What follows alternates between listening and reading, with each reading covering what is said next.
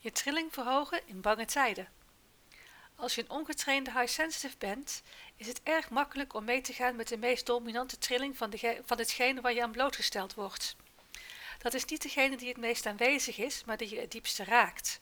Want hoe harder iets binnenkomt, hoe meer impact het op je heeft.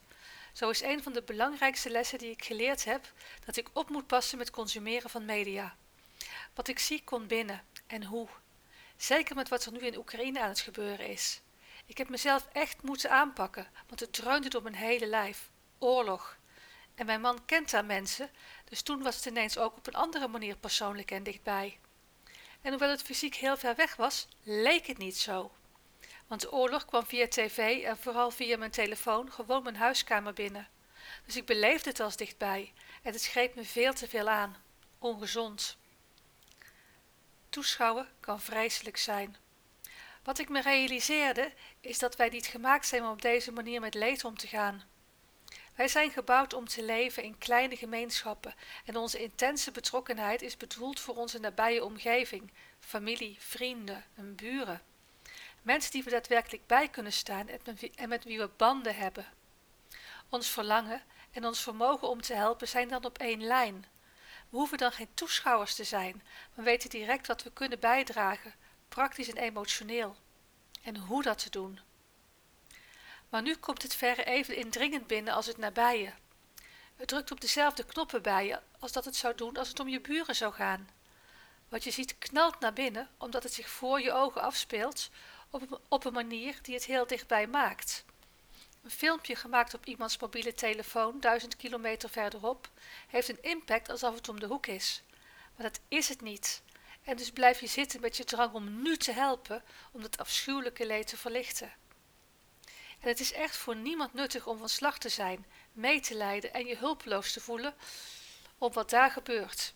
Integendeel, je trilling verlaagt en je komt dan terecht in een energiegeld van wanhoop en machteloosheid elke keer als je aan Oekraïne of een ander land of situatie denkt. Jouw verbinding met dat veld versterkt die gevoelens in jou en versterkt het veld. Dat soort velden bevinden zich niet alleen in onze 3D-wereld, maar gaan buiten tijd en ruimte om en beïnvloeden de gevoelens van mensen daar dus ook. Geloof kan bergen verzetten, maar geloof kan iemand ook laten stoppen voor een heuveltje. Het ligt er maar aan wat je gelooft. Trilling trekt trilling aan. Een van de belangrijkste principes achter spiritueel, shamanistisch ritueel of ritueel werk of bidden is het versterken van de juiste energievelden. Velden van geloof, hoop en kracht. Hoe sterker die velden zijn, hoe makkelijker mensen die zich daarop richten er toegang tot krijgen. Energie is magnetisch. Trilling trekt trilling aan. Ik ben begonnen met mijn energie terughalen naar het hier en nu. Mijn leven is hier en niet daar. En als ik met al mijn oversturen energie daar zit, draagt dat niets positiefs bij. Inspiratie van spirit, healing, helderheid en goede hoop. Vervolgens ben ik begonnen mezelf healing te geven.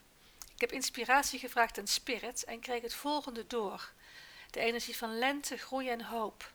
Daar kun je op afstemmen door iets lensgroens te visualiseren. De energie van healing, vergeving en altijd opnieuw kunnen beginnen. Dat is de energie van rozenkwarts.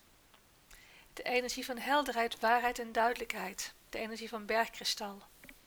Mezelf afstemmen op deze drie energieën en ze door me heen laten stromen, gaf me weer het besef van wie ik ben en waar ik sta. Maar, maar niet alleen dat. Deze energiefrequenties zijn ook ontspannend en helend voor mijn lichaam. En dat mag ik ten volle ontvangen. Ontvangen van zegen mag. Een van de belangrijkste lessen die steeds terugkomt. Het mag in het hier en nu goed met mij gaan, ook als, het ergens anders ook als er ergens anders nog zoveel leed en pijn is. Mijn meelijden voedt niemand. Wat wel voedt is het versterken van het goede. En dat kan. Trilling veranderen, het goede versterken. Door de eeuwen heen hebben mensen allerlei rituelen bedacht en doorgekregen om het goede te versterken van het branden van een eenvoudige kaars tot uitgebreide gebeden en gezangen. Wat voor mij in deze tijd goed voelt, is om een bewust moment in mijn dag in te bouwen waarin ik aan de mensen daar denk en ik de drie energieën weer door me heen laat stromen. Ik stem me vervolgens op spirit en ik stem me vervolgens af op spirit en stuur deze energieën ook richting de mensen. met het vertrouwen in spirit dat de energie daar zal komen waar ze het nuttigst is. En daarna laat ik het bewust los en haal mijn energie weer terug naar het hier en nu. Mijn leven is hier. Ik kan hier helpen en de velden met een gezond, genezende, gezonde trilling versterken. Dat is niet egoïstisch of egocentrisch. Het is bijdragen aan een gezondere wereld.